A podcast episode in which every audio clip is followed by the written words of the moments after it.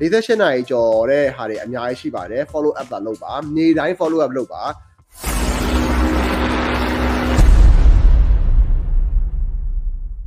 ဖြစ်ရင်လည်းပုံမှန်ထက်ပိုကြနိုင်လားပြန်ရနိုင်ခြင်းများလားတဲ့ delivery page တစ်ခုပါတဲ့ပုံမှန်မဲ့တင်နေကြကို page ကို restrict လုပ်ချသွားတယ်တဲ့သူတို့နဲ့စကားပြောထားပြီမဲ့၄နာ48နာရီကျော်၄ရက်မြောက်ရှိတယ်ပေါ့တဲ့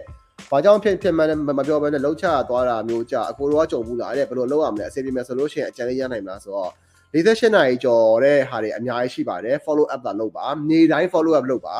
ကျွန်တော်ကျွန်တော်တို့နေတိုင်း follow up လုပ်လို့ဒါတချို့တော့ page တွေပြရတာပေါ့နော်အဲ့လိုမဟုတ်ဘဲနဲ့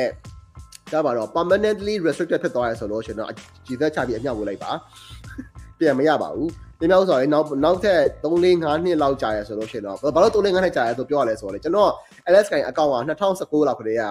page restricted ဖြစ်သွားတာကျွန်တော် LSK အကောင့်ဘူးဆိုလို့မရဘူး 2018 2019မှာ2022 January မှာကျွန်တော်အကောင့်ပြန်ရပါတယ်ဘာမှမလုပ်ပဲနဲ့အဲ့မဲ့2018ဆိုတော့2019 2020 2020 2020ဆိုတော့၄နှစ်ကြာတယ် right အဲ့တော့